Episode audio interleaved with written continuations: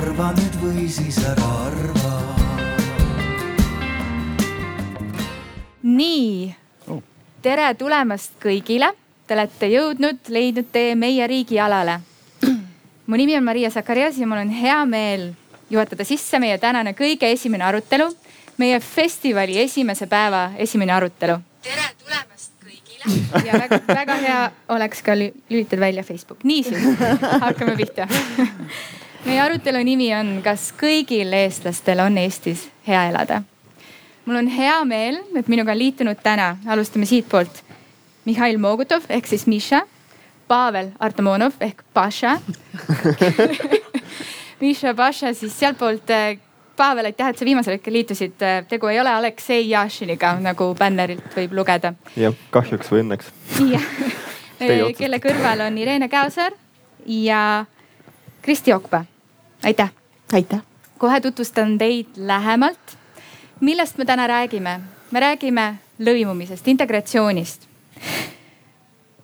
me kutsusime teid siin kokku, et sellele läheneda kuidagi isiklikust perspektiivist. me vaatame, et integratsiooni sihtasutuse poolt väga hästi läbi viidud monitooring ütleb, et üle kolmandiku Eestis elavatest muust rahvustest inimesed ütlevad, et nad ei ole kaasatud otsustesse ja nad ei tunne ennast siin vastuvõetult, nad ei tunne, et nad on siin teretulnud. kusjuures seitsekümmend protsenti ütlevad, et neil ei ole võimalus ühiskonda mõjutada. millest see tuleb?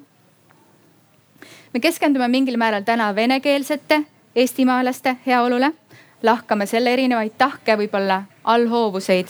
aga me tahaksime võrrelda kõikide teisest rahvusest elanike gruppide eluolu Eestis. ja me tahame välja tuua võib-olla mõned valukohad, mis muukeelsetel eestlastel Eestis võivad olla, defineerida esimesed sammud, mida probleemide lahenduseks võiksime ette võtta.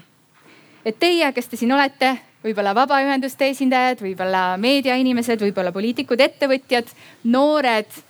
et me saaksime koos mõelda, millest lähtuda valikute tegemisel, oma otsuste langetamisel. ja, ja siinkohal ma ütlen kiirelt ära, kui te tahate kaasa rääkida, see on lõpuks ikkagi arutelu Arvamusfestivali stiilis, tõstke kohe julgelt käsi, meil on siin teemad, mida me hakkame arutama, aga kui teil on iseendal mõni põlev küsimus mis pakitseb, siis lihtsalt andke teada ja me teeme sellises vabas vormis, mõnusas stiilis arutelu siin täna koos. aga kõigepealt meie külalistest, alustame siis sealtpoolt otsast. Miša on äh, narvakas, silmapaistev noor narvakas, kes juhib, koordineerib MTÜ Vitat tiimi erinevaid projekte. Vitat tiim on siis noorteorganisatsioon, mis on äh, tuntud Narvas ja Eestis mitteformaalse hariduse noorsootöö teemadel. Äh, tegutseb Narvas nii aktiivselt ja silmapaistvalt, et ma ei jõudnud kõiki projekte kokku lugedagi. ta õppis äh, Mikša siis Tartus psühholoogiat, elab praegu Narvas, aga kuu lõpus kolib Hollandisse, nagu ma kuulsin. ja tere. tere. Paša sündis Tallinnas, elab endiselt Tallinnas, on kümnekordne Eesti meister karates, kujutate ette jah? MM-i ja EM-i pronksid on, on tema käes ja tahtis ka Tokyo olümpiamängudele saada. Pavel õppis ärindust, töötab vanem laenuhaldurina Estate Gurus ja kutsusime Paša just sellepärast, et sa jagaksid enda, enda põlvkonna vaadet, rääkida meile asjad, asjast nii, nagu ta päriselt on sinu kogemuse järgi ja lõimumise vaates siis, mitte lõimumiseksperdina aga lõimumisekspert on meil Irene Käosaar, kes on Integratsiooni Sihtasutuse juhataja, Eestis tuntud, tunnustatud lõimumise keelekümbluse edendaja tegutsenud mitukümmend aastat juba selles valdkonnas ja, ja hetkel elab Narvas samamoodi. ja sinu käe all koliti Integratsiooni Sihtasutus Narva, avati eesti keele majad nii Narvas kui Tallinnas. ja ma saan aru, et lisaks Integratsiooni äh, Sihtasutuse venekeelsele sihtrühmale on ka erinevad eestlased, kes siis tagasipöördujad, ka eestlased väljaspool Eestit, äh, teie kogukonnad teie hallata. tere Irenele tere jah, ja, ja, ja lihtsalt, et kuna sihtrühmadest juttu tuli, siis, siis tegelikult on ju lõimumise sihtrühm kogu Eesti ja ka need eestlased, kes siin Eestis elavad, mitte ainult mm -hmm. tagasi ei pöördu, nii et mm -hmm. tegelikult ju kõik, aga sellest me räägime pärast. just ja ja Kristi mu kõrval, kes on ema poolt eestlane, isa poolt jeemenlane, sündis Lõuna-Eestis, aga kolis Kuveiti väikse lapsena, käis ülikoolis Jeemenis töötas Jeemenis, Kuveidis ja kolis umbes kakskümmend tagasi, kakskümmend aastat tagasi Eestisse. sa oled töötanud Vanalinna Hariduskolleegiumis õpetajana, Tallinna Ülikoolis tõlgina ja nüüd MTÜ Mondos siis humanitaarabi eksperdina. ja oled tuntud, vähemalt meie ringkonnas, kui äh, araabia kultuuri, islamikultuuri tutvustaja erinevates asutustes. Jah. tere tulemast, Kristi. nii, aga hakkame tänaste teemadega pihta otsast peale. kas kõigil eestlastel on Eestis hea elada?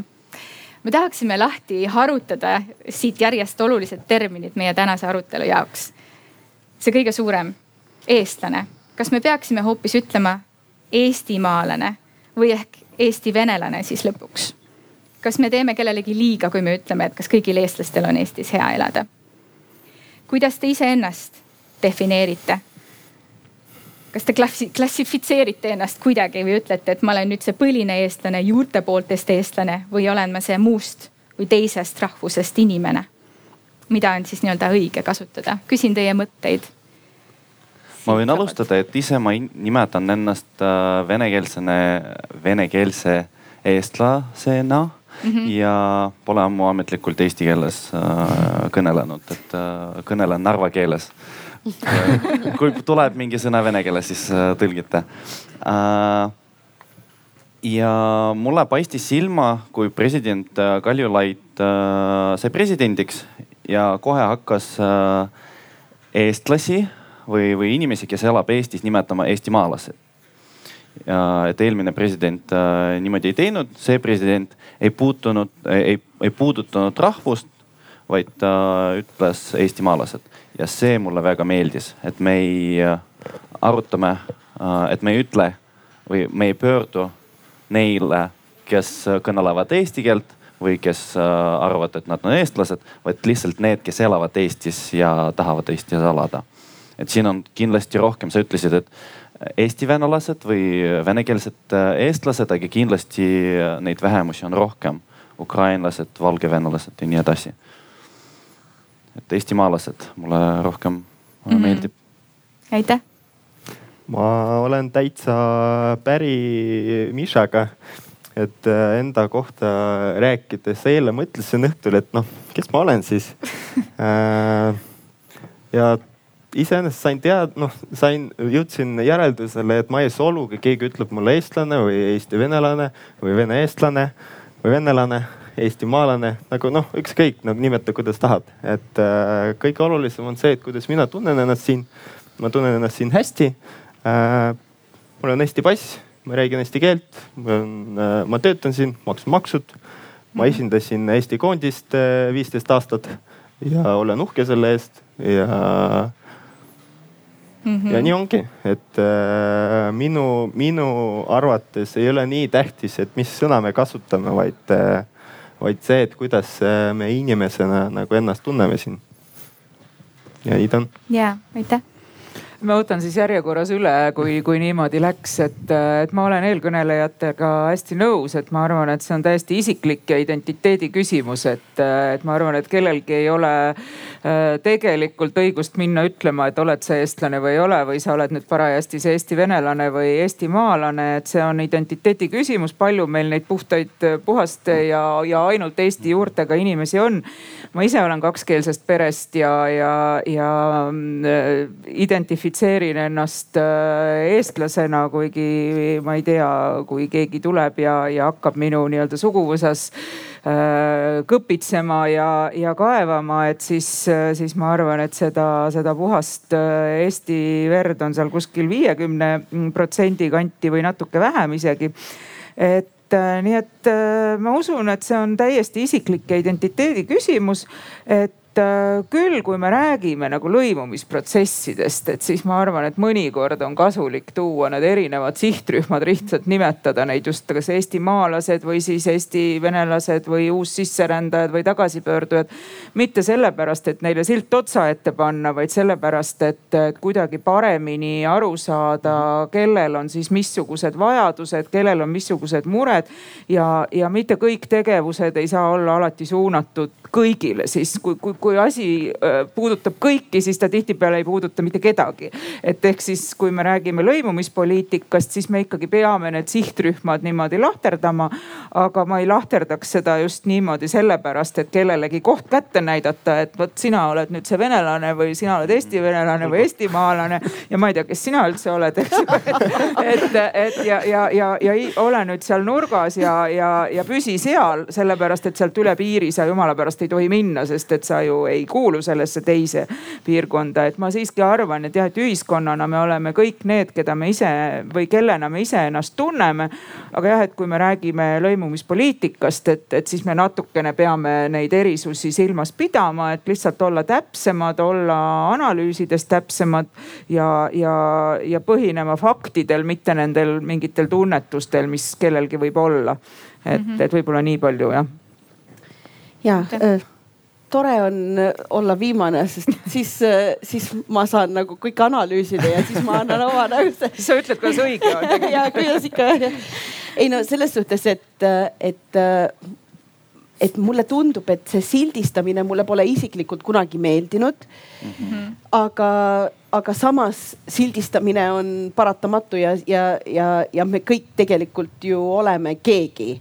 ja, ja minu küsimus on alati ainult see, et, et miks ma pean ainult üks asi olema, selles suhtes, et ma ju võin mitu asja ka olla, et ma olen ju eestlane, ma olen ka jeemenlane ma olen inimene, ma olen naine, ma olen ju, nüüd ma olen täiskasvanud äh, inimene, et, et selles suhtes, et see mõte, mis Irene ka ütles, et et tegelikkuses see lähtumine inimese vajadusest on ju paratamatu, see ei pea isegi olema sellega seotud, et kust sa pärit oled, vaid kes sa ise oled, kas sa oled laps, kas sa oled eakas, kas sa oled naine, kas sa oled mees, kas sa oled üksik, kas sa oled Äh, mis iganes olukord sul nagu on, nii et selles suhtes see ei tohiks tegelikult iseenesest olla mingisugune nagu tabuu, et sa nüüd ei ole, et, et me ei saa nüüd identifitseerida või leida sulle nüüd sellise hea nagu äh, definitsiooni nagu või koha, sest et see on ju loomulik, me oleme ju kõik mitmekihilised inimesed ja igalühel on omad erinevad äh, erinevad äh, identiteedi omapärad selles suhtes mm. -hmm. ja, ja ma ei leia lihtsalt seda et, et, et me peame olema, valima ühe ja siis ainult sellest nagu lähtuma ja, ja jah, et ma olen eestlane, aga ma võin ka midagi muud olla ja ma võin olla eestimaalane või noh, täpselt nagu sa ütlesid, et ükskõik, mida sa mind nimetad lõpuks, et ma olen siin Eestis sündinud, mu ema on eestlane, mu vana, vanavanemad on eestlased. nii et kui see piisab mõnele, et ma olen eestlane, siis see piisab, kui mõnele ei piisa, siis see on ka okei okay. mul just tuli meelde väike fun fact, et eh, nädal aega tagasi läksin eh, eesti.ee portaalisse siis uuendasin oma andmeid seal ja märkasin, et äh, mul oli noh Eesti kodakondsus pandud, aga rahvus oli venelane. siis mõtlesin, okei okay,, huvitav, mina pole kunagi seda nagu pannud sinna niimoodi, et järelikult vist äh, vanemad kunagi panid. siis oligi mul paariminutiline paus mõtlemispaus ja muutsin, et olen rahvusest eestlane. salvestasin. sealt saab muuta. saab muuta jah, lihtsalt lambist saab muuta ja siis pöördusin oma naisele, ütlesin, kuule, et nüüd ma olen nagu ametlikult et paari klikiga põhimõtteliselt nagu saad oma rahvust määrata. digi-Eesti ikka. digi-Eesti ja see on meie suur eelis. klikiga kuule kindlasti..., see oli äh, suur elusündmus, vahetasid identiteeti kuidagi selle klikiga. minu jaoks on iga kord, kui ma reisin kuskile ja seal on äh, see lahter nationality, ma mõtlen, äh, sest mul on Vene kodakondsus plaanin seda muuta, aga veel olen Vene kodanik. Ja nagu nationality, ma mõtlen, et ma olen eestlane, Estonian, aga ei ikka ma pean passi järgi seda valima et see mulle ka ei meeldi. aga kui, kui me räägime jah sildistamisest, siis kindlasti statistika jaoks keegi me, me oleme mm -hmm. ja see kultuuriline äh, kultuuri määramine või identiteedi määramine on raskem küsimus kui näiteks emakeele määramine. kindlasti, kui keegi küsiks või keegi määraks minu emakeeleks vene keel, siis jah, temal oleks õigus, sest minu perekeeleks on eesti keel, äh, vene keel äh,. aga jah, psühholoogina ma ütleks ka, et see identiteet on väga oluline, et näiteks kui keegi ütleb, et ma olen venelane, siis äh, sellel inimesel, kes nimetab mind venelaseks äh,, inimesel on mingi äh, noh assotsiatsiooni rida peas või mingi, kuidas on obras kuju, kujund, kujund, kujund. Ähm, sellest, kes on venelane, kuidas ta käitub, kuidas ta suhtub äh, Putinisse või äh, Venemaa poliitikasse. Mm. -hmm. et jah, tahaks seda uut kujundit luua. ära kõvasti ta nimi mani ma olen Vene kodanik ja selge, aitäh, et te, et te lahti seletasite meile iseenda vaatepunkti ja see on tõsi, kui ma uurisin statistikat enne seda arutelu, ma vaatasin, et meil on rahvuseid erinevaid siin kokku väga mitu Eestis. E, kokku üks koma kolm miljonit inimesest, inimest, kellest seitsekümmend protsenti on eestlased, siis kakskümmend viis venelased ja me räägimegi rahvusest siis, see rahvuse definitsioon seal eesti.ee portaalis muud rahvused, ukrainlased esimesena, valgevenelased, soomlased, tatarlased, lätlased, poolakad, juudid, leedulased. ühesõnaga väga kirju seltskond, kõik see ülejäänud kakskümmend, mis see on siis, kuus protsenti. aga Vene Föderatsiooni passiga inimesi on kaheksakümmend viis tuhat, nii et see on siis kolmsada tuhat versus kaheksakümmend viis, et ongi see rahvuse seltskond, kes ütlevad, et ma nagu ütlen, et ma olen venelane mingil määral, aga samas mu pass on siis vastavalt kas Eesti või Venemaa. pluss on ka hallid passid ju. ja, ja, ja hallid passid lähevad ka veel sinna alla no selge, kui me räägime küsimuse teisest poolest, kas kõigil eestlastel on Eestis hea elada, mida see hästi elamine endast võiks kuju, kujutada, mis on hea elu komponendid, mis peaks kindlasti olemas olema, kas tahaksite natuke jagada, et kuhu me nagu saada tahame siis sinna hea elu suunda? Äkki alustad suurest pildist, statistikast ja sellistest asjadest? jah, see hea, hea elu on ju jällegi täpselt sama nagu identiteet on väga individuaalne, nii on ka hea elu väga individuaalne, et, et kelle, kellegi jaoks on äh, hea elu see, et ta saab teha täpselt seda, mida ta iga päev tahab, ma ei tea, kunsti teha või muusikat või täna teen kunsti, homme teen muusikat. Kellegi jaoks on hea elu see, kui tal on mingi väga stabiilne töökoht, äh, kellegi jaoks veel midagi, aga üldiselt ma arvan, et äh, hea ül-, noh keskeltläbi on see ikkagi see, et, äh, et sul on piisavad sissetulekud, et elada enda kriteeriumite järgi siis väärikalt või, või hästi, et sa saad enda kriteeriumite järgi teha neid asju, äh, mis on, mis on sulle olulised Mm, ja, ja, ja siis täitsa ükskõik, mis need kriteeriumid on ja ka isikliku elu puhul, et heaolu ei ole kindlasti seotud ainult tööga või sissetulekuga, vaid ta on ikkagi ka isikliku eluga seotud. ja siin on täpselt samamoodi, et ei saa öelda, et, et ma ei tea viiekümne aastane naine, tal peab olema kindlasti kolm last ja ettevõtjast mees, et olla õnnelik ja, ja hästi elada, et üldse ei pruugi olla ei lapsi, ei meest ja inimene tunneb ennast väga hästi. Äh, ja, ja samas ei ole välistatud, et kui sul on kolm meest ja, või kolm meest, kolm last ja mees, et siis sa ka ennast hästi tunned. kolm meest pole paha ka. kolm meest pole ka paha, nii et ühesõnaga see on täpselt see jällegi, kuidas inimene ennast tunneb. aga kindlasti on mingisugused kriteeriumid, kõik me vajame mingit stabiilsust, kõik me vajame mingisugust turvatunnet, on siis need sotsiaalsed garantiid, tervisegarantiid. ma ikkagi tahan tunda, et kui ma siit äh, Vallimäelt alla lähen ja kogemata jalaluu murran, et siis mul on tagatud see meditsiiniline tugi, et ma saan abi, et äh, et kui minuga töökohal midagi juhtub, et siis mul on need sotsiaalsed toetused. Äh, et ma olen tööturul ikkagi selles mõttes võrdses positsioonis, et, et kui mind homme peaks koondatama või lahti laskma, et ma olen äh, võimeline kiiresti leidma endale uue töökoha ja nii edasi ja nii edasi, nii et noh, ühest küljest see on selline sisemine tunnetus ja teisest küljest kindlasti peavad olema siis ühiskonna poolt tagatud mingisugused konkreetsed äh, garantiid. Äh, et me ennast turvaliselt ja stabiilselt tunneksime mm. -hmm. ma ütleks, et noh, kui, kui nüüd üldse mõelda, et kui sa, mis on see hea elu et äh, noh, et, et mõnes mõttes äh, äh, mida rohkem äh,, mida rohkem sa tunned ennast seotud oma selle äh, keskkonnaga äh,, seda parem ja mugavamalt sa võid toimetada, on ju, et selles suhtes, et kui sul on võimalik inimestega suhelda, nii et eks see keel on hästi oluline öö, osa sellest, et kui sulle tundub, et see, see, see suhtlusviis on juba olemas, et sinust saadakse aru ja sina saad ka inimestest aru, siis, siis see on nagu hästi oluline punkt, on ju. aga teine asi on ka see, et, et, et sul oleks öö, võimalik ka noh, tunda ennast ka kindlana, et kui, et, et ma saan endale lubada normaalse töökoha või, või, või noh, sellise sissetuleku ja no kõik need nagu need, need, need asjad, mida tegelikult inimene äh, ähm, selles suhtes, et, et see keel, haridus, kõik need asjad mängivad rolli sellesse, et sul oleks hea elu. aga äh,, aga, aga üks nagu ei, ei, ei, ei garanteeri teist selles suhtes, et ma võin ju eestlane olla ka, kellel ei ole äh, haridust, kellel ei ole võib-olla neid noh, eestlane, kes räägib eesti keelt, kes on ainult Eestis elanud ja võib ennast nii-öelda nimetada siis päris eestlaseks, kui sellist asja üldse nagu on -hmm. olemas.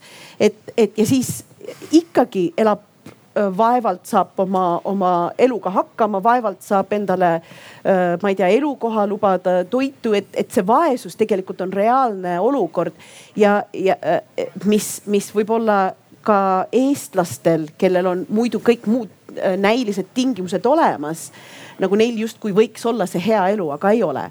ja siis tulebki see moment, et kui sul on inimesed, kes on tulnud välismaalt näiteks, kellel seda keelt võib-olla ei ole, siis see oleks kohe see nii-öelda esimene takistus, mille üle peaks nagu saama, onju. Äh, kui sul haridust on, siis võib-olla sa saad üle selle hüpata, kuna Eesti on ka sihuke koht, kus õnneks inglise keelega saab väga hästi hakkama. noh nagu noh, oleneb selles, selles suhtes loomulikult. Vene mhm. keelega saab ka hakkama, et noh, et iga, et iga kvalifikatsioon nagu iga asi, mis võiks sulle nagu selle elu paremaks teha. noh ühesõnaga, ma vist nagu läksin nüüd kuidagi hästi laiali, aga, aga minu, minu põhimõte ongi see, et isegi kui sa oled eestlane ja kõik sul need kriteeriumid, mis võiks sulle selle parema elu nagu pakkuda ei tähenda seda, et sul nüüd ilmtingimata kõik need võimalused on ja siis võib ka keegi välismaalt tulla, kellel on just selline äh, hea töökoht, noh need talendid, kes näiteks väljaspoolt nüüd äh, värbatakse äh, kõrgetele äh, äh, nagu töökohtadele ja nendel on kohe see, et kõik on nagu noh, väga kergesti saab neid asju nagu võib-olla lahendada, onju. Mhm. et ähm, et ma ei tea, kas mu mõte nüüd üldse jõudis kohale, aga ma üritasin ja, teiselt ja, poolt seda mm. -hmm. ei, ma saan täitsa aru ja kuidas te tunnete, olete pigem nõus? ühesõnaga, mis teie Aa. vaade on hea elu? ma pigem vaatan selle poole, et äh, see turvatunne, mis äh, inimestel siin on ja mitte objektiivne turvatunne, et kindlasti mul on äh, politseid mind, mind kaitseb, mul on haigekassa olemas, aga see, et kas äh, ma olen siin väärtuslik, kas mind väärtustatakse, kas äh, minu eest hoolit-, hoolitsetakse, kas äh, riigikogus minust räägitakse ka, kas mul on seal äh, esindaja mm? -hmm. just sõitsime Pašaga autos ja vaatasime statistikat ja kahjuks seal on suured protsendid, et paljud no teisest rahvusest inimesed arvavad, et põhju, põhjus, miks nendel tööturul hästi ei lähe, on, on poliitika Mm -hmm. et äh, poliitikud äh, peavad mingit suunda, mis ei ole äh, sooduslik noh, nendele inimestele, kes on muukeelsed või, või muust rahvast mm. -hmm. ja see just pigem need hoiakud, et inimesed elavad, arvavad, et neil ei ole siin võimalusi, neil ei ole siin äh,, neid ei kaasata.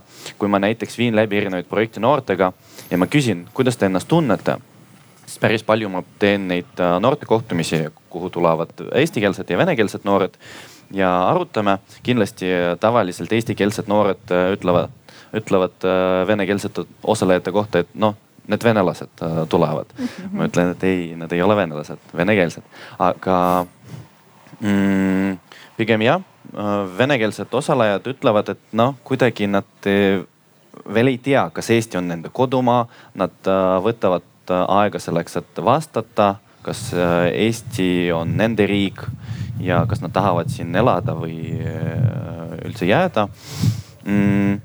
et see identiteet ja kindlasti mõjutavad ka sidemeid, et kui äh, need noored, kes jõuavad noortekohtumisteni, nende projektideni kus nad hakkavad eestikeelsete noorte, noortega suhtlema pärast, pärast neid projekte nad saavad eestikeelseid sõpru ja nad on ainukesed eestikeelsed sõbrad, mis nad said mm. -hmm. et see suhtlus ei toimu ja võib-olla Narvas või, või Ida-Virumaal need noored või need inimesed tunnu äh,, arvavad, et nad on jah, neil on mugav elada ja see on nende kodumaa, aga kui nad lähevad Ida-Virumaalt äh, kuskile kaugemale, siis tekib küsimus, kas see on minu kodumaa või see on pigem juba, ei ole veel välismaa, ei ole juba kodumaa mm. -hmm. et mhm. mis koht see on ja kas on siin jah jällegi turvaline, kas mind võetakse vastu, kas ma leian siin tööd, äkki mul on vähem võimalusi mm.. Mm -hmm. kuidas see haridus muidu, ma lihtsalt ise huvi pärast tahaks, et nagu kuidas see, äh, äh, need haridusastmed muidu noh, need noored, kes on seal, kellega sa räägid ja kes ei tea nagu, et kas nad oma haridusest näevad, et nad saavad ennast rakendada näiteks Eestis? mul lihtsalt sihuke küsimus tekkis mm,? ma ei tea, võib-olla Irene saab haridusest rohkem öelda, aga mm -hmm. pigem see hoiak, et uh, nad ei, nad ei leiagi siin midagi või isegi kui nad lähevad ülikooli õppima, siis mis edasi, kus nad hakkavad töötama, äkki Ida-Virumaal kuskil või Tallinnas, sest seal saab uh, vene keelt uh, uh, kasutada. et pigem ma näen seda Ida-Virumaal kui, kui jah et selliseid julgeid äh, hoiakuid või julgeid sõnumeid, et jaa, ma lähen Tartu õppima, ma tahan ja ma jään sinna ela-, ei, seda ei ole kahjuks mm. -hmm. ja. Paša, ma küsin korraks sinu vaadet ka selle originaalse küsimuse osas, mis on hea elu või mille poole sina näiteks pürgisid või kas sa näed, et sinu põlvkond kuidagi heaks eluks peab? tahaksid jagada äh,? mina pean heaks eluks äh, kahte asja Äh, esimene on tasakaal ja igas eluvaldkonnas see peab olema suhtes, töös, et me töötame selleks, et elada, mitte et elame selleks, et tööd teha, on ju mm. -hmm. Et äh, kindlasti peab seda, seda tasakaalu nagu hoidma elus. ja siis teine asi on vabadus. mis mõttes vabadus? igas mõttes et äh, üks asi, üks, üks klikk mul toimus siis, kui ma käisin kaitseväes. ja me olime seal äh, sõduri baaskursse ajal nagu täitsa seal sees, ei tohtinud väljas käia. Ja ma mäletan seda tunnet, kui ma esimest korda läksin välja.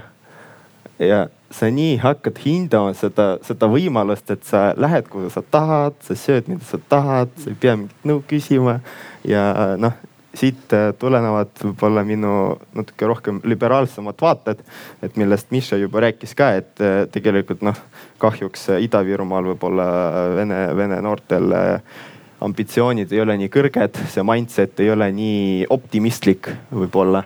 ja mina usun seda, et see, kuhu sa jõuad, see sõltubki su mõtetest et kui sa ärkad ja sa ei usu, et sa jõuad kusagile, siis sa ei jõuagi.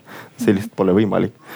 ja kui sa ärkad hommikul ja sa tead, okei okay,, see on minu pikk plaan, sinna ma jõuan, teen seda, seda, seda. ja siis elu ongi ilusam ja värvilisem ja, ja siis jõuadki tippudele mm. -hmm. no ma lihtsalt võib-olla nii-öelda kommentaariks, et see, ma arvan, et see vabadus ongi, ongi hästi oluline ja ma arvan, et see Covidi periood, mis meil nüüd on ja. käes ja selja taga ja kõik näitas meile väga hästi, kui oluline on vabadus ja kui, kuivõrd äh, me tegelikult seda väärtustame, et nende asjadega tihtipeale ongi see nii, et, äh, et need olulised asjad, millest koosneb see hea elu sa ei märka neid igapäevaselt, sa ei käi ringi ja ei mõtle, mul on tervisekindlustus, mul on tervisekindlustus, mul on tervisekindlustus, mul on tervisekindlustus. sa märkad seda siis, kui seda ühel päeval ei ole sul.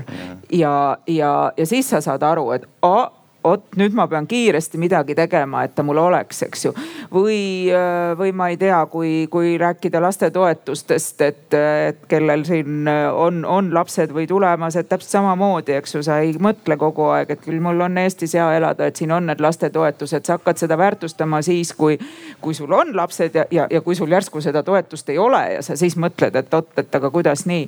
nii et selles mõttes vabadus on hästi oluline, aga vabadus toob endaga kaasa vastutuse ja, ja vabadus koosneb just tegelikult nendest sadadest asjadest, mis meil on selja taga, see kindlus. ja muuhulgas see haridus, muuhulgas see, et ma tean, et, et mina olengi nii väärtuslik, et kui minuga praeguses olukorras midagi juhtub, siis noh tühja sest, siis ma lähen järgmise väljakutse juurde ja hakkan seal toimetama. et see muidugi see enesekindluse küsimus, millest Miša rääkis, et see on äh, tõesti ka uuringud näitavad, ma siin väikse paranduse teen, et see ja. uuring, mida sa tsiteerisid, see ei ole Integratsiooni Sihtasutuse poolt läbi viidud mm -hmm. uuring, vaid on kultuuriministeeriumi poolt tellitud ja Praxise ja Balti Uuringute Instituudi poolt läbi viidud koostöös siis Tallinna ja Tartu ülikoolidega. ja, ja tõesti, see on integratsiooni monitooring, mida siis viiakse läbi iga äh, kolme aasta tagant, mis annab võima- ja, ja üle kahekümne aasta juba, mis annab võimaluse ka neid muutusi muutusi Äh, fikseerida, mis on hästi oluline, et seal on alati mingid uued nüansid, mis on, tulenevad sellest, et kas see on parajasti ühiskonnas oluline või ei ole. et äh, noh, näiteks hariduse küsimuses siin paar, paar uuringut tagasi oli see eestikeelsele aineõppele üleminek gümnaasiumiastmes oli väga terav teema, et kas inimesed on rahul või ole. selles uuringus praktiliselt seda enam ei käsitleta, kuna noh, see on läinud muusika, et sellest ei ole mõtet, et see on, see on ellu viidud, see toimib hästi halvasti, aga, aga pole mõtet küsida, kas sa oled sellega nõus või ei ole, et noh, et, et mis, mis, mis siis sellest on, kas sa oled nõus või ei ole. nii et selles mõttes, selles mõttes need muutuvad, aga mingid küsimused on samad. ja, ja noh, mis ikkagi sealt välja tuleb, on tõepoolest see, et ähm, mitte ainult vene taustaga noortel, vaid üldse venekeelsetel inimestel on see enesekindluse küsimus oluliselt äh, nii-öelda madalama tasemega kui, kui eesti keelt emakeelena rääkivatel inimestel. ehk siis kogu aeg on see tunne, et mind ikka siin ei väärtustata, mind mind sinna võib-olla ei taheta. see on tihti sõltuvuses keelest, aga me näeme, et see ei ole alati sada protsenti mhm. keele küsimus, et, et keel annab sulle selle vabaduse otsapidi aga ta ei garanteeri sulle seda vabadust, kui sinu sees on juba mingisugune hoiakuline tunnetus tekkinud Mhm.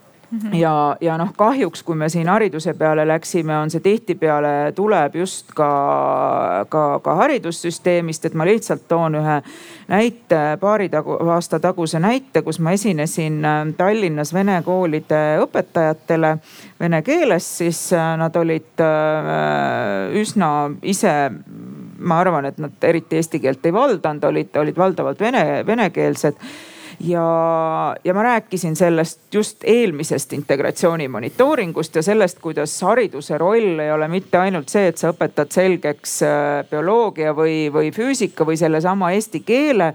vaid ka see, et sa annad selle vabaduse, selle sõltumatuse, selle kindlustunde, selle paindlikkuse, mis on ju ka hariduse üks olulisi eesmärke, et äh, nagu öeldakse, intelligentse inimese esimese kriteerium on see, et ta on paindlik ja suudab uues olukorras kiiresti kiiresti toimetada vastavalt uuele olukorrale ja ei jää kinni nendesse vanadesse mustritesse. ja, ja rääkisin, kuidas kool peab seda toetama ja siis üks õpetaja tõuseb püsti suhteliselt ärritunult ja ütleb, et mina küll oma õpilastele vene keeles siis kõik, mina küll oma õpilastele kõigile räägin, et ärge ronige sinna, kus teid ei oodata, et istuge oma koha peal, niikuinii teid keegi sinna ei taha ma ei tea, see sinna on siis ilmselt ministeeriumid, kus tõepoolest on kuskil ligi kaks protsenti äh, muukeelse taustaga inimesi. Äh, ja, ja noh, Maria poolt välja toodud statistika kohaselt on meil neid ühiskonnas kolmkümmend protsenti, eks ju. ja neist jõuab tööle avalikku sektorisse siis, siis oluliselt väiksem protsent. ma arvan, et ta ei pea olema võrdne, ehk siis alati on natukene nihet siin igas ühiskonnas, aga noh, ma arvan, et ta võiks olla vähemalt seal kuskil kümme, viisteist protsenti, et ta näitaks nagu tegelikku ühiskonna läbilõiget, et äh, nagu sa ise ütlesid, et kuigi, äh, kuigi me ei taha ennast sildistada, sa ütlesid, aga riigikogus meid ei ole piisavalt esindatud, kes need me on, eks ju. et, et noh, ühesõnaga ühest küljest me ei taha, et sildistatakse, teisest küljest, kui me hakkame mõtlema mingi heaolu peale, siis me ikkagi tahame, et minusugune, et minusugune no kas kasvõi see on võib-olla noor mees, eks ju, võib-olla see ei olnud venelane, mida sa mõtlesid, võib-olla see oli noor mees, aga võib-olla see on ka venelane, et noh, selles mõttes, et ma tahan, et minusugused oleksid seal esindatud ja kannaksid nii-öelda minu häält. et äh, jah mm. -hmm. mina veel lisaksin seda, et äh, kui ma vastan, kui me vastame küsimusele, kas äh, Eestis on hea elada eestlastel või eestimaalastel, siis kindlasti on vaja võrrelda ja kui me võrdleme äh, no kui me räägime venekeelsetest inimestest, kes elavad Eestis, kui ma, ma ei tea sellist uuringut, aga oma kogemusest võin öelda, et äh, iga kord, kui ma küsin venekeelseid inimesi, kas noh, kui sa arvad, et Eestis ei ole hea elada, kas sa tahad Venemaale minna? ei, ei kindlasti mitte. et siin on äh, parem elada mm, -hmm. siin, siin rohkem vabadust, rohkem võimalusi, aga kui me võrdleme äh, võib-olla eestikeelsete inimestega, siis kindlasti venekeelsetel inimestel või, või äh, muu rahvuse, rahvuse inimestel on rohkem väljakutseid, rohkem mm -hmm. väljakutseid, millega no, tuleb tegeleda. ja kas te tunnete, et eesti keelt rääkivad eestlased on kuidagi priviligeeritud staatuses, kui me räägime ebavõrdsusest, et on seal mingisugune keelest tulenev vahe siis ikkagi? võib-olla on pigem see, et äh, vaadatakse, ma ei tea, aga võib-olla vaadataksegi sellise pilguga, et äh, aga noh, mis on teie ettekääne mm -hmm. näiteks aga fakt on see, et kui sul on äh, noh, mulle tundub tegelikult, et ikkagi meil on Äh, kui me räägime sellisest optimist, noh siin on need kaks asja nagu sportlane ikka nagu ütleb, sul on nagu väga konkreetsed asjad nagu, mis on see nii-öelda õnne või hea, hea elu nagu. See, see tuleb ka, ma arvan, sul kindlasti oli noh, ma eeldan, et, et selline toetav keskkond ka ikkagi oli olemas kuidagimoodi, kuskilt see tugi nagu pidi ikkagi tulema, vaata selles suhtes, et, et mul ja, ja, ja noor inimene on alati optimistlikum nagu, nagu, nagu loomult, et, et kahjuks, mida vanemaks sa saad, et ma ise tunnen ka seda, et nagu, et ma ei ole kindlasti see, kes ma kakskümmend aastat tagasi olin, et. et see, see lihtsalt tuleb vanusega nagu juurde, et sa hakkad kuidagi väga skeptiliselt asjadele nagu vaatama otsa ja ja, ja raske on olla näiteks ütleme üksik ema, kellel on äh, kaks last ja miinimumpalk on ju kuskil, ma ei tea, mitte ühes suures Eesti linnas ja siis mõelda sellega sellist, selliseid mm -hmm. mõtteid ja, ja kahjuks siis selline keskkond äh, võib ju mõjutada ka neid lapsi, sest et lastel siis ei teki see turvatunne, sest et nad näevad seda, seda, kuidas nende vanem vaevleb, on ju elus.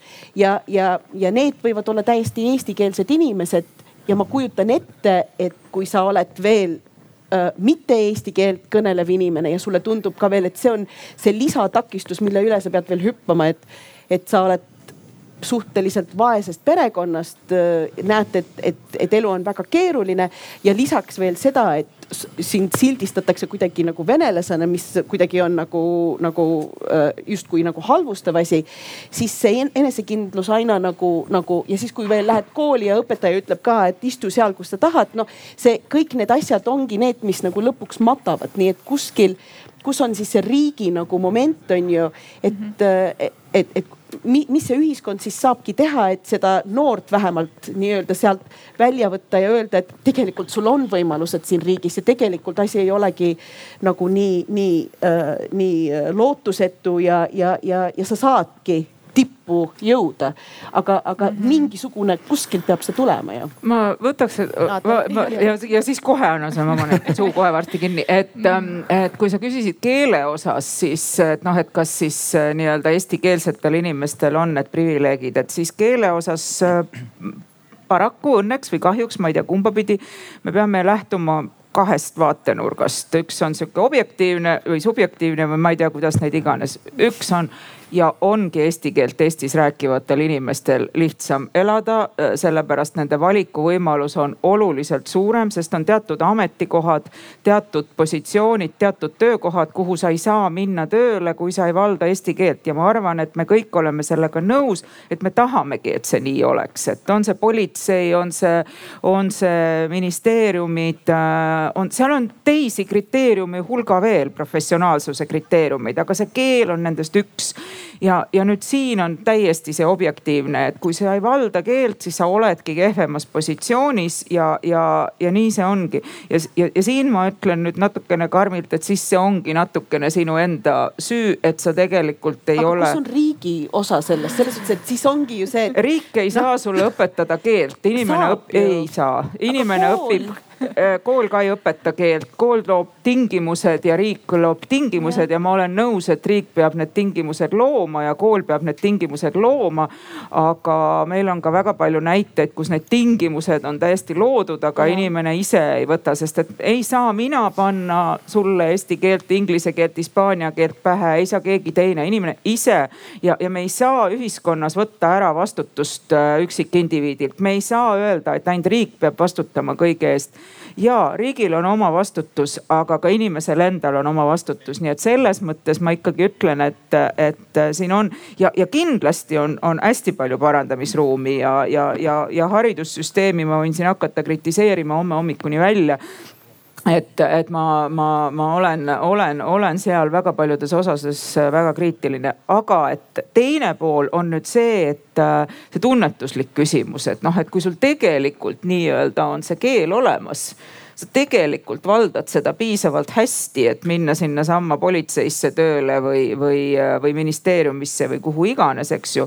aga, aga sa, sa, sa, sa ei tunne, et, et sind sinna tahetakse, nii et noh, see on, see on nagu teine küsimus, nii et noh, ma ütlen, et keele puhul ei saa päris mustvalgelt öelda, et, et, et peakski olema võrdsed võimalused kõigil, kes, kes Eestis eesti keelt ei valda. et, et nagu on sellesama integratsiooni monitooringu tutvustusel, ma nüüd teen vaba tsitaadi, selles mõttes ma päris tsitaati ei ütle.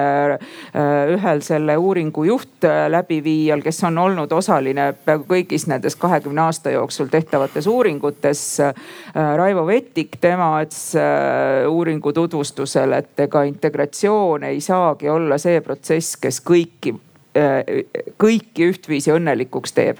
ei tee õnnelikuks kõiki mm, -hmm. alati on üks pool, kes natukene peab ära andma, teine pool, kes midagi saab. et oluline on ikkagi vaadata ka ühiskondlikus aspektis, et, et me ühiskondlikult tunneksime ennast hästi, et me teeksime need mingisugused kokkulepped ja need kokkulepped ei äh, puudutaks kedagi äh, tõesti ebavõrdselt, aga inimesel endal jääb alati teatud vastutus ja, ja, ja see on, see, see on kõikides protsessides, see on ka, ka matemaatika õppimisel ei saa matemaatikaõpetaja tulla ja sulle matemaatikat pähe panna, vaid sa pead seda ise õppima, aga matemaatikaõpetaja peab looma selle keskkonna, ta peab looma huvi selle aine vastu ja ta peab looma seosed reaalse eluga, et sul tekib see tahe ja vajadus matemaatikat õppida mm. -hmm. Uh, nii ma, ma täiendaks nii, et kust see tahe võib tekkida oma isiklikust äh, kogemusest.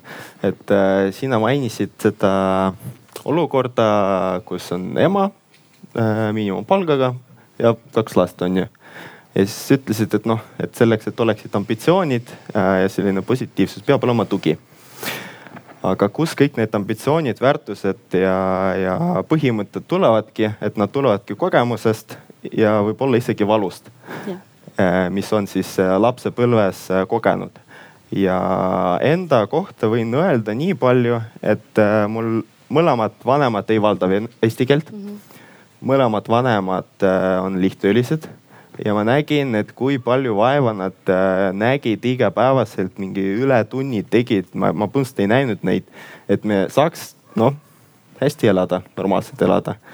ja tänu sellele, et ma nägin seda kõike kõrvalt, et mul tekkiski see, tekkisid need ambitsioonid ja, ja tahe, et minna ülikooli, õppida eesti keelt, siis teha mingit müü-, noh müügitööd kaubanduskeskustes selleks, et, et pärast ma saaks äh, paremat äh, ametikoha, mida ma noh praegu saingi, et ma praegu töö, töö ajal siin istun ja, ja lobisen lihtsalt.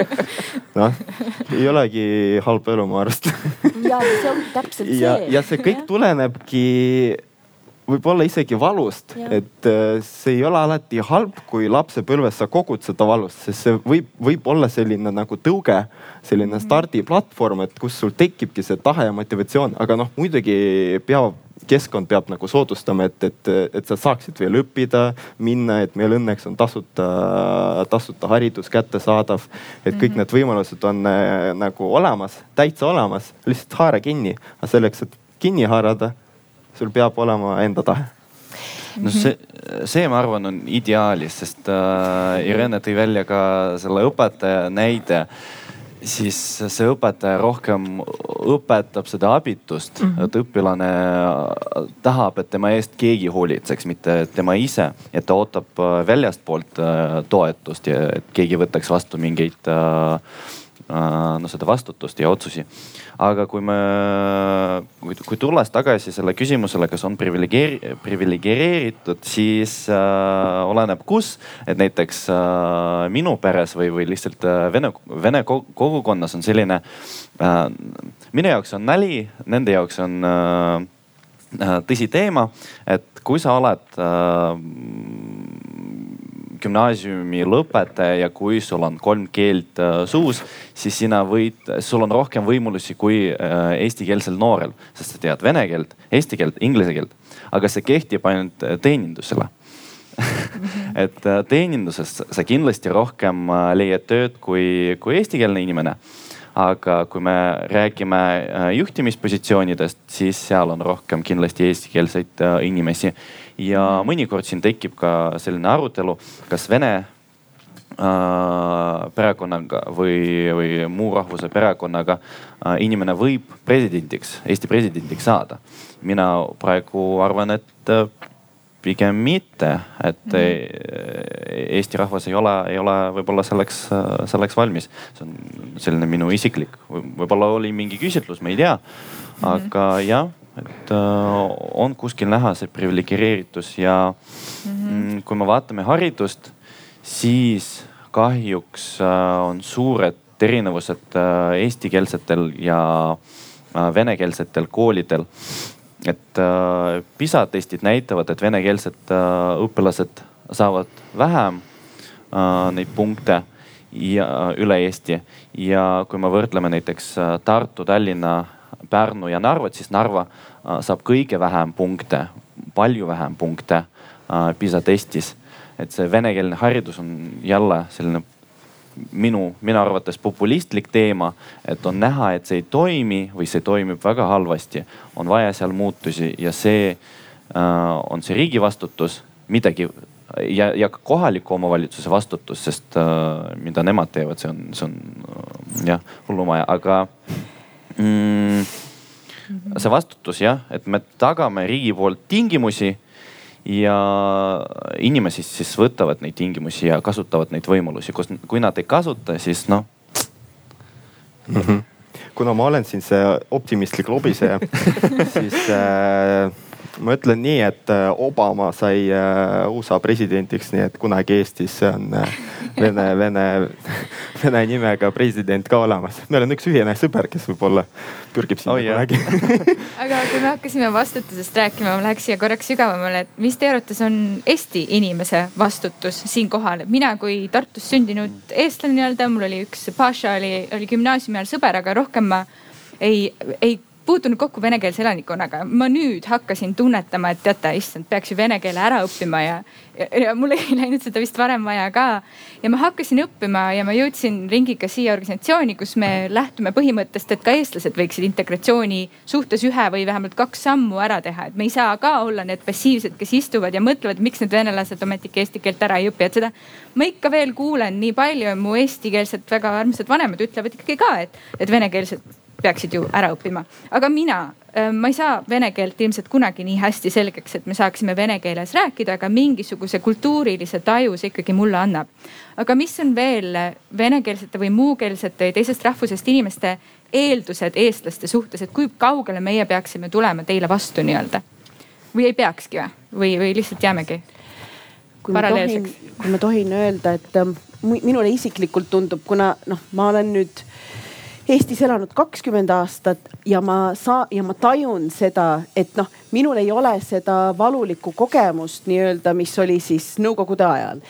ja see on hästi huvitav, kuidas äh, igas riigis on mingisugune valulik, mingisugune äh, minevik ja mida kantakse ühest generatsioonist teise kaasa, et see on nagu pärilik selles suhtes, et minu lapsed, kes äh, pole mitte kunagi äh, meie üldse noh, kunagi ei räägi midagi näiteks äh, halvustavat äh, venekeelsetest äh, inimestest või venelastest või mis iganes, et noh, see ei ole üldse meil teema, meil on pigem teised teemad, onju. aga siis, kui minu laps tuleb tagasi koolist ja see on ka veel nagu sihuke tore kool on ju ja siis tuleb tagasi ja ütleb mulle midagi nagu venelased on ju. siis ma vaatan talle otsa, mõtlen, et aga kust see nagu tuli ja see ja see ja mul tekibki see küsimus, et noh, et, et, et vaata, siin ei ole enam midagi teha, et siin on nagu äh, jõuliselt ikkagi vaja äh, ja see on võimalik teha nagu kõikides asjades, siin on väga jõuliselt vaja seda, seda ja, ja väga julgelt öelda, et minevik oli minevik ja me võime seda noh öelda, et fine, see nii ta nagu oli. Aga, aga meil on aeg sellest üle astuda ja keegi ei julge seda teha, sellepärast et see on nagu see püha asi, mille millest me, me peame oma kannatust kaasa pidevalt nagu, nagu tirima. ja niikaua, kui see asi nagu jääb, siis edasi liikuda või seda kuvandit muuta eestlastel, kellel ei ole isiklikult, noortel eestlastel, kellel ei ole mitte mingisugust halba kogemust venelastega olnud, nad pärivad seda oma vanematelt või vanevanematelt, sest et me ju ainult seda noh räägime. ja, ja, ja, ja, ja siin tulebki jälle, mulle tundub see hariduse süsteemi nagu öö, vastutus, sest et me peamegi seda narratiivi lihtsalt teistsuguseks tegema, et siin ongi nagu see valikumoment nüüd, kas me liigume sellest edasi või kas me ei liigu, sest et niikaua, kui me tirime seda kaasa, siis on väga raske tekitada noh, see ongi täpselt see, et, et nagu, nagu USA-s on ju, et kui sul äh, valgenahalised ja mustanahalised, et seal on nagu lihtsalt mingisugune barjäär olemas nende vahel ja need ja see, et sa oled nagu ühega nüüd sõber, et umbes, et aa, mul on ju üks mustanahaline sõber või oo, mul on üks vene sõber, nagu see just nagu teeb sinust nagu selle tolerantse eestlase näiteks või mis noh, et, et see, äh, et, et, et et sellest tuleb kuidagi tõesti üle saada ja siis on nagu võimalik, siis see iseenesest juhtub, sest et eestlased ja siis venelased omavahel hakkavadki suhtlema äh, koolikeskkondades, noortes keskustes. Äh, minu abikaasa töötab noortekeskustes ja tema esimene töökoht oli Kopli noortekeskuses. ja noh ja, ja, ja ta ise ka naeris, et kui ta sinna läks tööle, siis tal oli sihuke tunne, et ta on nüüd see Michelle Pfeiffer, kes läheb a la, ma ei tea, mingi Gangsters Paradise'i ja hakkab nüüd venelastele õpetama eesti keelt nagu või mida. noh, aga ta sai aru, et noh, et selles suhtes, et see ei ole üldse vaata nii ja Kopli on ju siinsamas meil Tallinnas, kui sa oled, onju. nii et, et, et, et, et aga noh, see, see on, see on, see on, see on ikkagi väga, siin peab väga jõuline töö toimuma nagu me peame inimesed lihtsalt suruma kokku, sest et teistmoodi ei saa, mulle tundub vähemalt jah, et äh, kui sa nüüd ütleksid, kuidas on võimalik inimese mälu ja, ja, ja identiteeditunnet krõps öelda, et täna me enam minevikust ei mõtle, siis ma annan sulle miljon dollarit. ma ei tea, kust ma selle võtan, aga sa ei saa sellega hakkama, nii et mul ei ole seda vaja. et ehk siis seda pole võimalik ja ma siiski olen optimistlikum, meil siin paneelis küll ei ole nüüd nii-öelda eesti emakeelena ühtegi noort inimest mm, -hmm. aga mul on mõni kodus ja, ja, ja mõni koos. Äh, minu ema on eestlane. jah, ma vist ei, ma vist, vabandust, ei kvalifitseerinud sind nooreks inimeseks praegu mitte eestlaseks, vabandust. see vist käis sealt, sealt kategooriast mul praegu, aga vabandust, et et lihtsalt nagu, no mina olen ka eestlane rahvuselt yeah., aga ma ei, ka ei kvalifitseeri ennast äh, nooreks inimeseks praegu, vähemalt selles kontekstis siin mitte et äh, ma, ma ei näe seda, seda probleemi äh, noorte inimeste seas, ma ei näe ka seda vene keele õppimise probleemi, aga see on natukene põlvkondade küsimus ja, ja, ja natukene ma ütlen, ongi see, et me peamegi leppima sellega, et äh, kõik sellised ühiskondlikud protsessid äh, võtavad aega aga see, et see leppimine ei pea tähendama seda, et me istume niimoodi ja ootame nüüd, et noh, sureks see kaks põlvkonda nüüd siit eest ära, kes veel mäletavad midagi.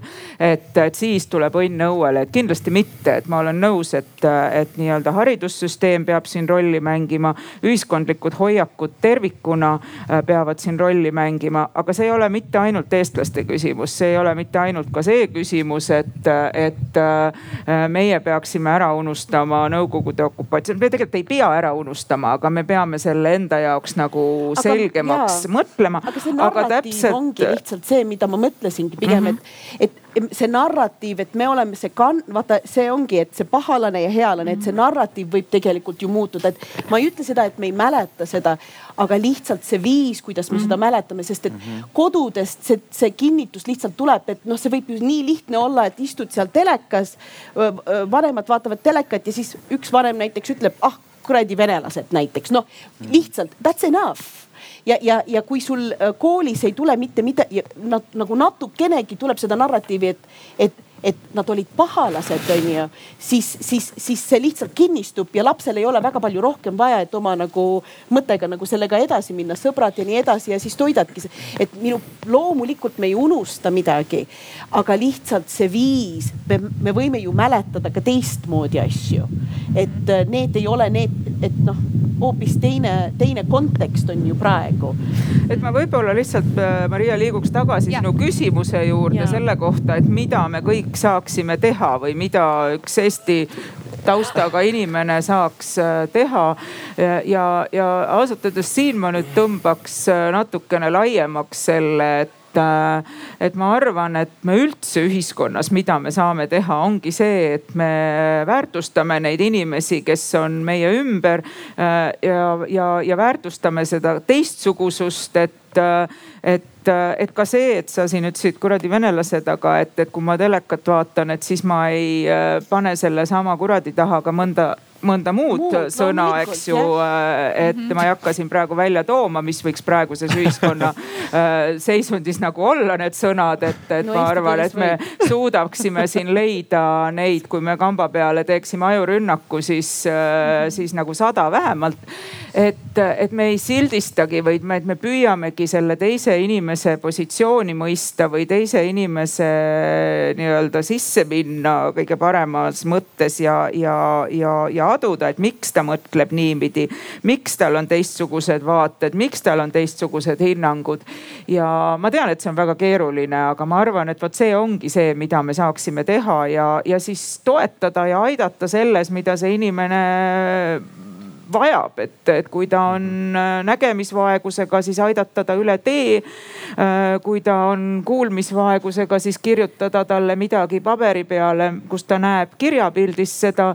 ja, ja kui tema eesti keel ei ole nii hea, nagu see võiks olla, siis toetada tal seda omandada või siis äh, suhelda temaga mõnes teises keeles, kui see ei ole parajasti keeleõppe situatsioon, et me, me ei pea elus sada protsenti olema kogu aeg mingisuguses õpilase ja õpetaja rollis, me võime vahepeal niisama ka äh, mõnusalt klaasi veini juua või lobiseda ükskõik millest. mul, äh, mul on eestikeelne elukaaslane ja ma loodan, et me ei ole koos, sest et ta tahtis mind aidata miskipärast, vaid vaid kõik on nagu päriselt, et oleme jah kaks aastat koos, varsti, varsti võtame, varsti võtame koera ka, nii et ma kadestan. Teil on väga ilus koer seal äh.... igaks juhuks ära, ära liiga hästi eesti keeles räägi, sest muidu äkki. missioon täis. et järgmine kord, kui kutsute mind, järgmine aasta tulen koeraga siia, aga ühesõnaga, et äh, tänu temale nüüd mul on päris palju, kõik tema Eesti sõbrad on nüüd ka minu sõbrad ja me saame nii hästi läbi, et ma noh, see ongi generatsioonide küsimus mm, -hmm. et ma üldse ei taju seda nii, nii nende poolt ega ka nagu minu poolt, et meil oleks mingit, mingit nagu takistusi omavahel Mm -hmm. ja isegi kui ma ei suuda piisavalt nagu hästi väljendada oma mõtteid või, või no sõnavarast jääb puudu.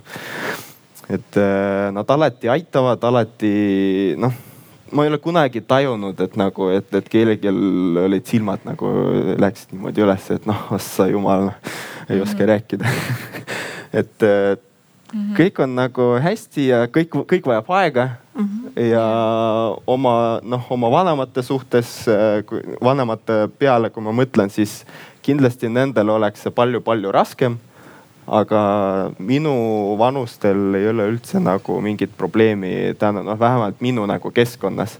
ja kõik minu sõbrad, kellega ma õppisin vene koolis äh,. ma vaatan, kes nad praegu on. üks lõpetab arstiteaduskonnas, üks on äh, parimas Eesti IT-ettevõttes, üks Arvikus IT-spetsialist kolmas äh, on poliitikas ja õpetab äh, Ida-Virumaal äh, vene lastele eesti keeles. et nagu ongi, et see uus, uus generatsioon on, on juba nii teistsugune, et need uued äh, Eesti venelased on juba täiesti teised. ja, ja meil võib-olla ongi vaja lihtsalt jätkata samas suunas äh,. lihtsalt meil on vaja natuke rohkem aega mm. -hmm mina võib-olla jätkan natuke pessimistliku vaadega äh,. jälle või? sest ta, tavaliselt me kipume näha ainult need, noh, see on eh, ellujäänute efekt näeme ainult neid, kes, äh, kes sai seda haridust, kes ja. Äh, läks Ida-Virumaale õpetama ja nii edasi ja nii edasi. mulle tundub vastupidi ühiskonnas, et me näeme tegelikult neid problemaatilisi juhtumeid ja ütleme, et kõik ja. venelased ongi sellised, kes ei saa hakkama ja niimoodi unustades ära, et meil on tegelikult hästi palju neid, kes just, on just. igapäevaellu sulandunud, vabandust. on kaks sellist äärmust, aga jah, et äh, on ka palju neid äh, venekeelseid noori, kes, kes ei saa neid võimalusi, aga okei okay,, sellest oleme juba arutanud, aga kui Uh, kui näiteks Peace Action äh, Community Estonia tuli Narvasse ja hakkas Vita tiimiga tööd tegema, siis see oli väga motiveeriv ja innustav. et lõppude lõpuks Vita tiimis oli eesti keelt kuulda ja uh, see oli, see oli väga hea signaal meie noortele, et nemad küsisid iga kord, okei okay,, kas tuleb keegi kunagi veel, et äh, äkki me saame veel seda, no ma ei tea, graffitit joonistada või mis iganes äh, me veel koos teeme, et noored Äh, noored tahavad osaleda. Ja ma näen äh, neid säravaid silmi, kui ma ütlen, et noorte kohtumine tuleb, et te võite kuskile Tartusse minna eestikeelsete noortega suhelda. Äh, õnneks sel aastal meil oli ka Tallinnast vabatahtlik, tavaliselt me võtame ainult rahvusvahelisi vabatahtlikke, aga ka eestlastel on võimalus osaleda riigisiseselt ka. Ja tuli Tallinnast Kirsika ja tema ümber tekkis selline noorte kogukond kes kogu aeg praktiseeris temaga eesti keelt, et äh, see soov on olemas, aga mis, mis võib-olla eestikeelsed inimesed võiksid teha, rohkem pöörata tähelepanu, et ja neid noh, nad on teretulnud äh, Narvas ja kas vähemalt üks kord tulge äh,. ma ei tea, tehke midagi, lihtsalt tulge Station Narva, Narvale ja, ja osalege kuskil veel kohalikutega, et neil oleks see kontakt olemas. sotsiaalpsühholoogias sots,, psühholoogias on selline äh, hüpotees nagu kontaktihüpotees. kui sa saad seda kontakti, siis kin- äh,, sul tekib see noh parem arusaam sellest inimesest.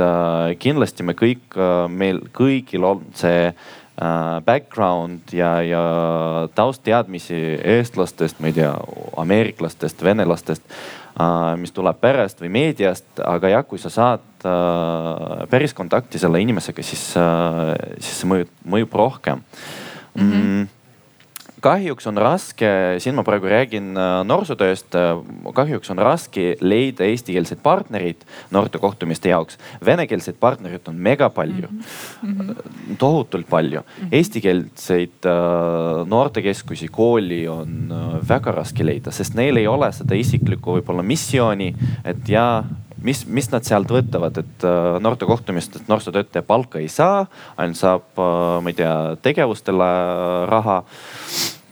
E, vene keelt nad vist ei taha praktiseerida, see ei ole nende eesmärk nagu venekeelsetel noortel, et siin on see uh, võib-olla midagi teha, see on isiklik asi, aga võib-olla mõelda uh, missiooni kohta et ma näen uh, need eestikeelsed inimesed, kes tulevad Narva või Ida-Virumaale töötama Äh, ma näen, et noh, neil on mingi selline sisemine missioon, mis toob neid äh, sinna ja nad äh, hakkavad seal tegelema mm. -hmm. et ja nad kindlasti on seal teretulnud koolides, noortekeskustest. ja väga hea kuulda ja kui me liitusime, liikusime enda noorsootööga Narva, siis tegime enda programme ja üritusi inglise keeles mm, -hmm. sest me ei tahtnud neid osasid noori kuidagi välja jätta. et need jah, ongi, kes eesti keelt ikkagi piisavalt hästi ei räägi, et kõiki kaasata siis inglise keeles, aga ürituste lõpus tulidki noored meie juurde, ütlesid, kuulge, palun teeme eesti keeles.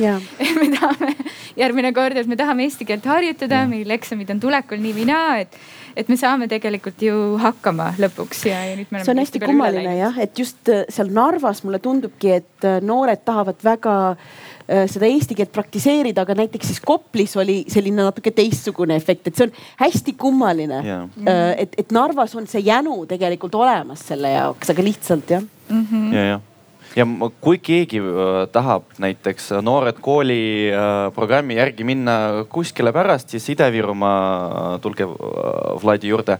Äh, ja, ja tulge, et äh, paljud koolid ootavad eestikeelset äh, noori õpetajaid ja just Vlad on seal ise, teate, me käisime Vladiga mõlemad Inglismaal, õppisime keeleteadust ja suhtlesime inglise keeles kümme aastat tagasi. Ja nüüd tagasi tulles eesti keeles, nii et Vlad on super eesti keele õppija. aga korraks me puudutasime tööhõive teemat. Ma tahaksin natukene sügavamale minna, me vaatame, et, et mulle meeldib see positiivne mõtteviis, aga integratsiooni monitooring ütleb, et, et tegelikult numbrid on veel natukene mitte kurvad, aga keerulised, kui meil on eestlastest üle viiekümne protsendi äh, kõrgharidusega inimesed, kes töötavad ka kõrgelt kvalifitseeritud juhtivatel positsioonidel, siis muust rahvusest on see kakskümmend.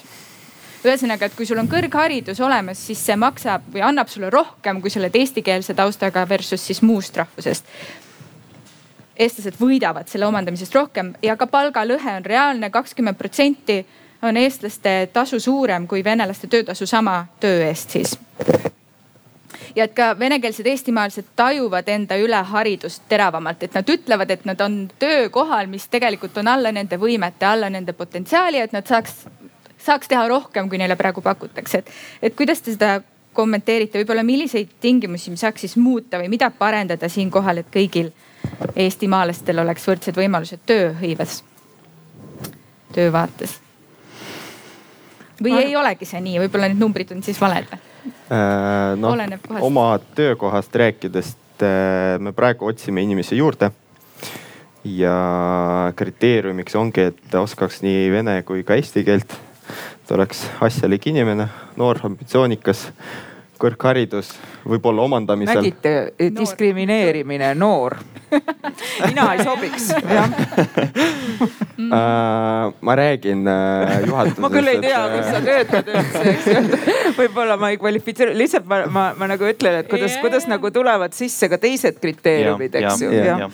et äh, ja siis äh, üliraske on leida kedagi, ma ütleks, et äh, päriselt väga-väga raske on kedagi leida, kes nagu sobiks.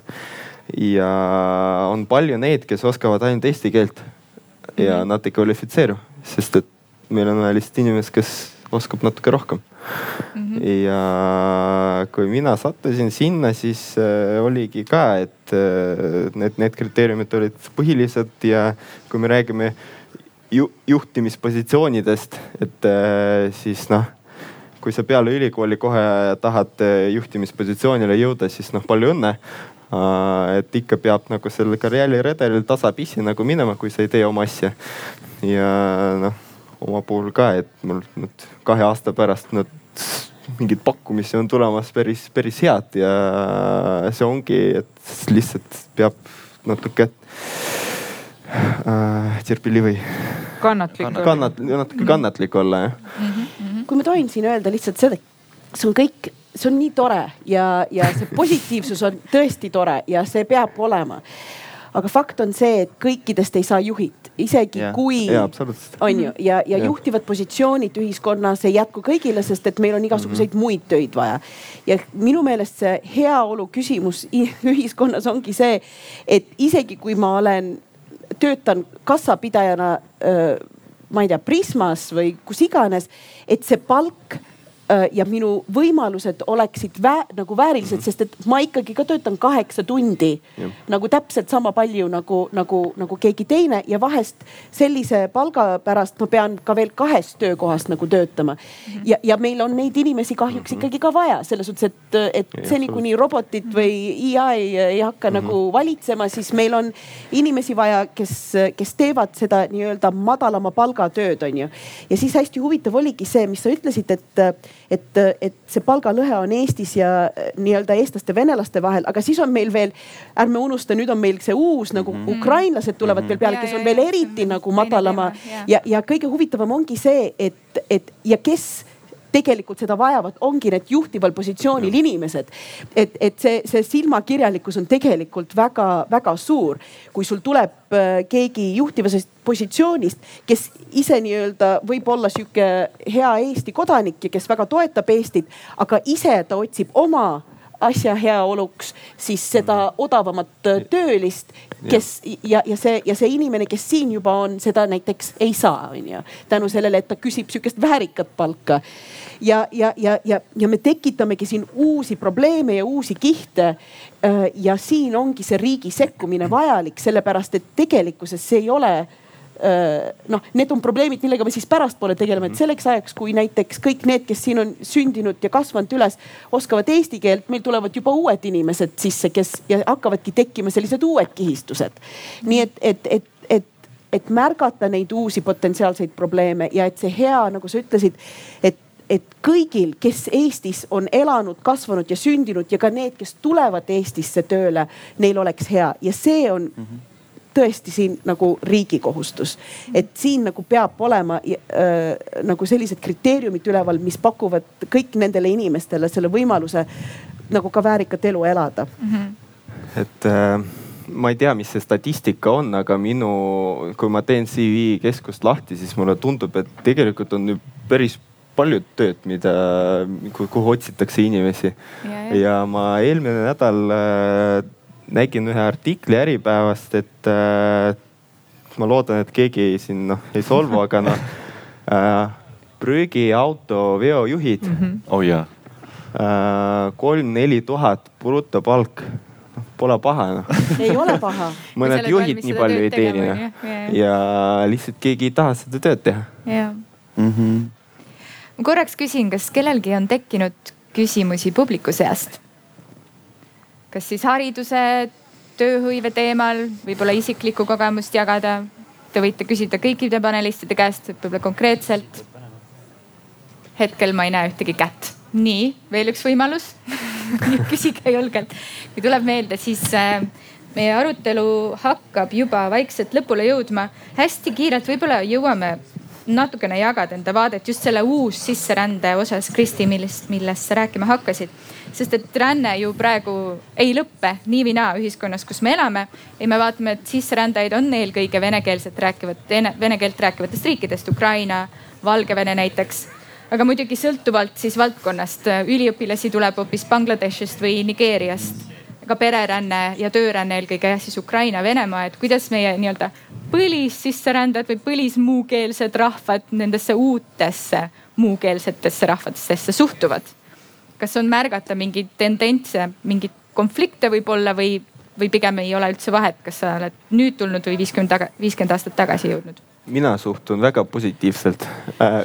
üllatus, üllatus jällegi, jällegi noh, mis siin teha, olengi selline. aga, aga, aga ma töötan rahvusvahelises ettevõttes ja meil on äh, umbes, no ma arvan, kolmandik äh, inimesi, kes on äh, teistest riikidest.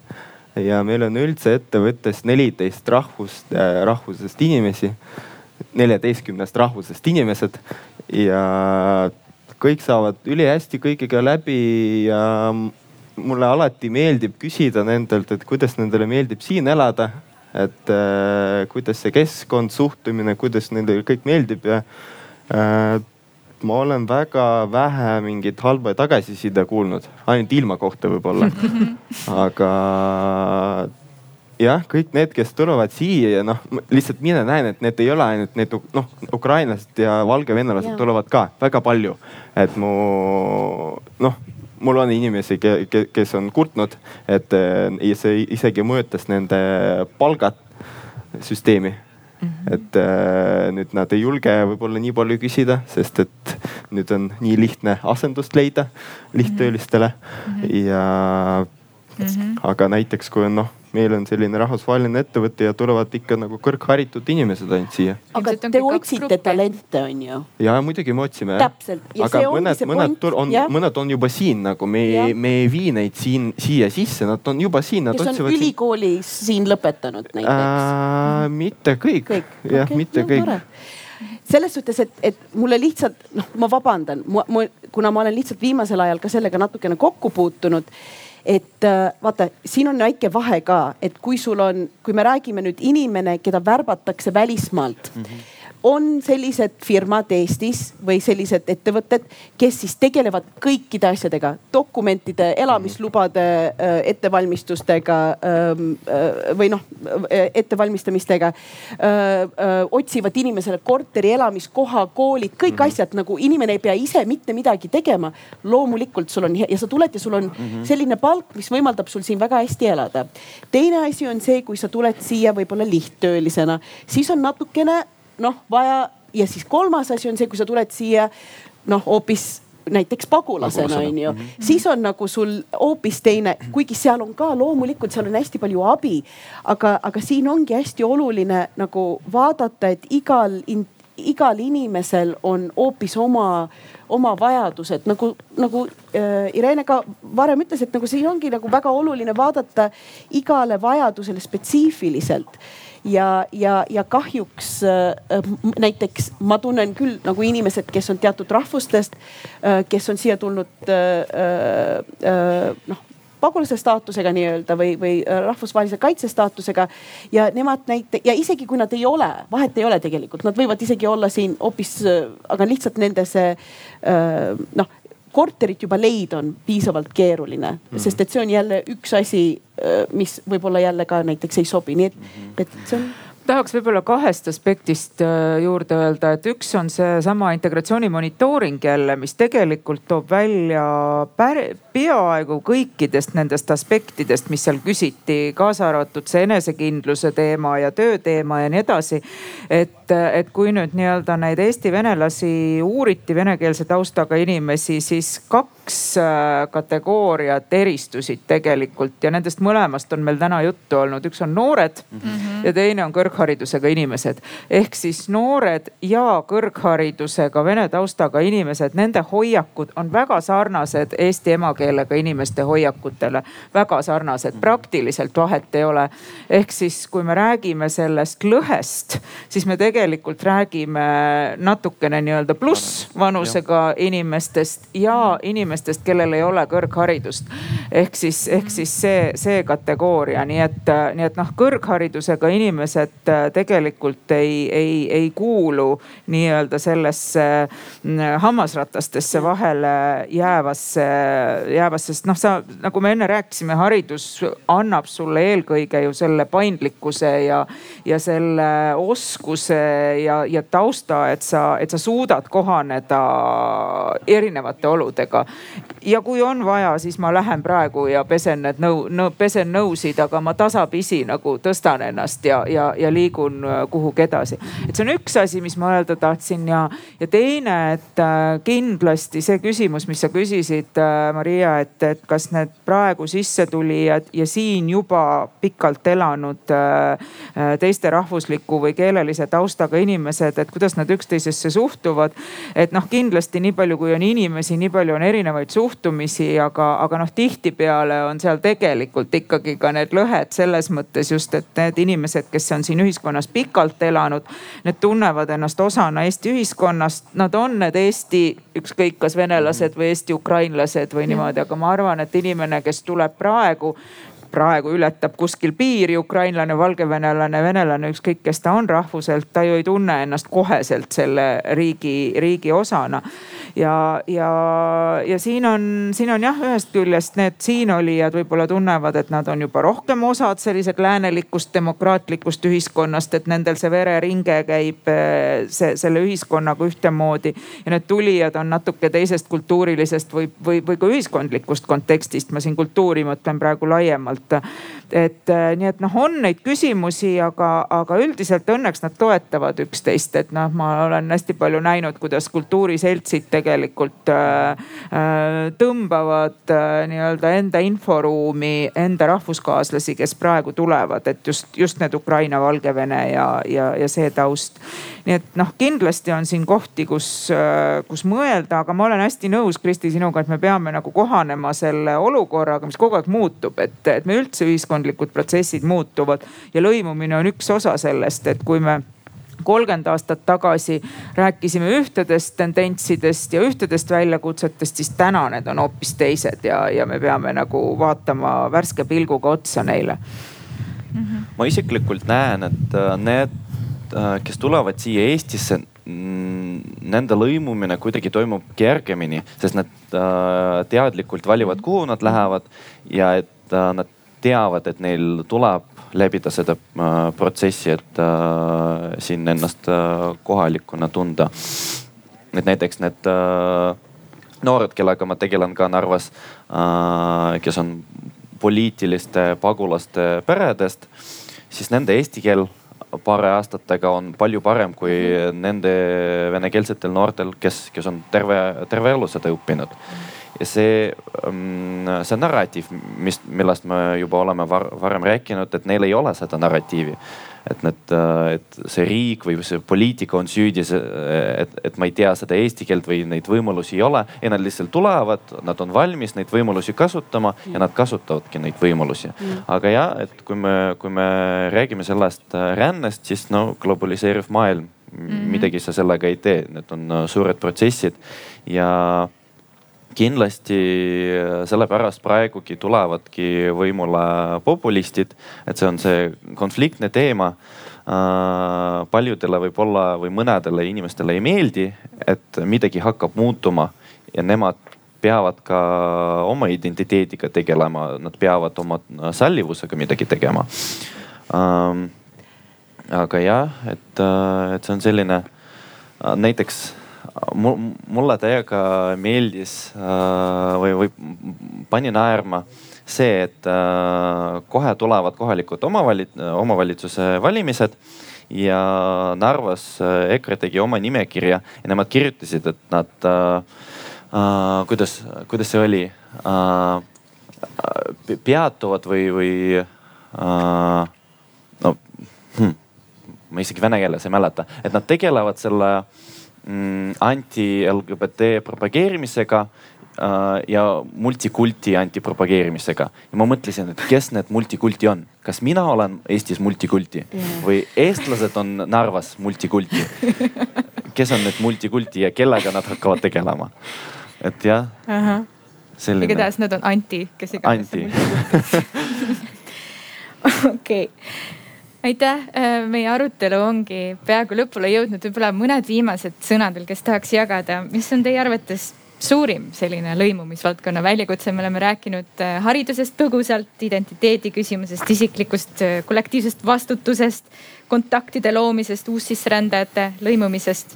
me ei puudutanud veel teemasid nagu näiteks poliitiline kaasamine või ka mhm. elukeskkond, selline füüsiline keskkond, aga mis võiks olla see suurim väljakutse ja mis on siis selline konkreetne lahendus või kas keegi teist võiks öelda, et, et millega me peaksime hakkama tegelema nüüd täna?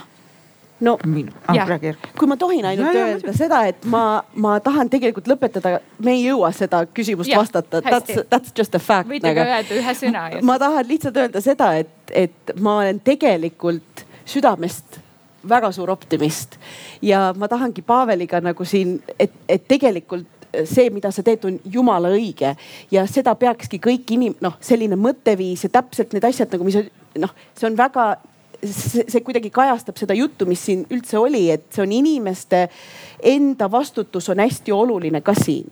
ja, ja, ja inimeste enda nagu panus on hästi oluline siin, aga siin ongi hästi huvitav moment, et, et põhiline minu jaoks on see, et kui me nüüd siin öö, ühelt poolt parandame probleeme, on ju nagu puhastad, on ju seal koristad toas ja siis samal ajal tekitad enda taga ka veel mustust, et hästi oluline ongi siin olla ettevaatlik ja hästi nagu teadlik, et mitte ainult vaadata seda, et kuidas ma nüüd lahendan seda eesolevat probleemi, aga ka, et kuidas ma ei tekita nüüd neid uusi probleeme või, või kuidas, kuidas võiks olla ettevaatlik niimoodi, et, et, et see ka kuidagi neid asju vältida.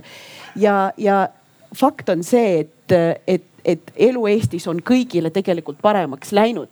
ja kas inimesed seda ise näevad või ei näe, see on juba teine asi ja kuidas igaüks hindab oma seda heaolu, on, on teine asi, aga fakt on see, et on, on paremaks läinud. ja, ja see, ja see kõne või see kontakt nagu on, on, on kõikide ühiskonna, ühiskonna osadest nagu täiesti olemas ja võimalik, kui sa ainult julged otsida ja siis ongi lihtsalt see, et tuleb alati ma arvan, et see üks asi, mida võiks, mida mina ütleksin igale inimesele, et lihtsalt julgustage inimesi enda ümber seda tegema.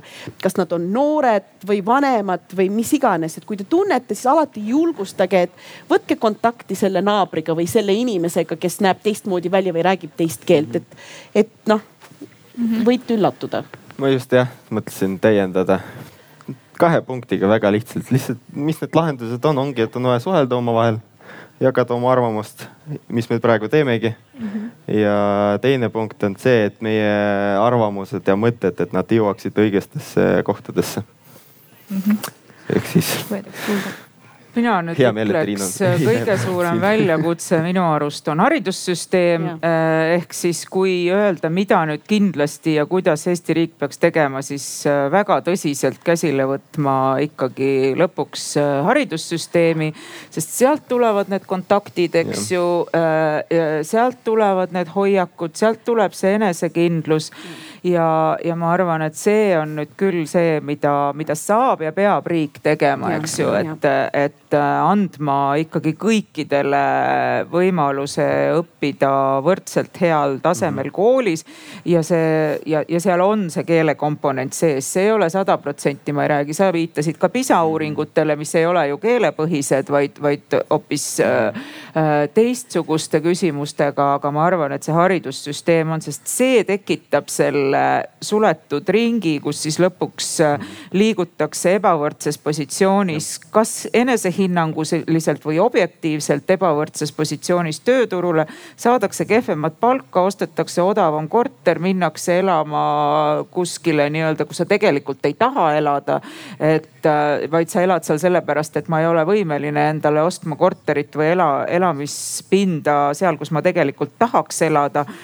et lihtsalt Lasnamäe on väga kihvt koht näiteks, et, et mul on väga mitmed tuttavad, mm. kes on põlised Lasnamäekad, täitsa eesti keelt emakeelena rääkivad inimesed ütlevad, et elades ei taha Lasnamäelt ära kolida, väga lahe, eks ju. aga, aga see on siis, kui väga lahe on seal siis, kui ma elan seal sellepärast, et ma tahangi seal elada ja mulle seal meeldib, aga kui ma elan seal sellepärast, et, et mul lihtsalt, ma tegelikult unistan Nõmme majast, aga, aga ma ei saa endale lubada rohkem kui Lasnamäe ühetoaline korter, et noh, siis, siis sa oled sellest ja siis sa paned jälle oma lapse sinna venekeelsesse kooli ja hakkab jälle see ring pihta, nii et see suletud ring, et minu arust selle ringi saab läbi hammustada ainult haridussüsteem. aitäh ma liituks äh, sellega, et ka haridus, noorsootöö mm, -hmm. äh, et oleks ühine kool mm, -hmm. oleksid ühised lasteaiad, oleksid äh, ühised huviringid äh,. praegu me ei räägi keelest Ja, praegu just. räägin, et nad käivad ja. ühes, ühes majas, ühes äh, noortekeskuses ja kasutavad äh, ühe samasuguseid, äh, samasuguseid võimalusi. see on üks asi, et me teeme, et kuskil muu rahvusest inimene ja eesti rahvusest inimene saaksid kokku see on üks pool ja teine pool on vaadates neid inimesi, kes tegeleb Eestis integratsiooniga suur osakaal on äh, just muust rahvusest. Et äh, see on hea näide sellest, et kui teil on mingi probleem või väljakutse, kus te ise ei saa, siis äh, võtke ja ise tegelege sellega. see on ka kaasamise küsimus, et kui teid ei, ei kaasata, siis kaasage ennast ise sellesse mhm. protsessi, et jah, võtke seda vastutust, võtke. julgust. julgust jah, see on raske, aga noh, what to do What to do okei aitäh teile kõigile, suur aplaus. aitäh täna meiega mõtteid jagamast. võite ülekannet järel vaadata Facebooki kanalite kaudu, sellest tuleb ka podcast välja, kes tahab hariduse kohta rohkem kuulata, siis Ireenega võite liituda järgmisele lavale. midagi arutada hariduse alal. aga siinkohal aitäh ja ilusat festivali. selge see, et ega kõike teha.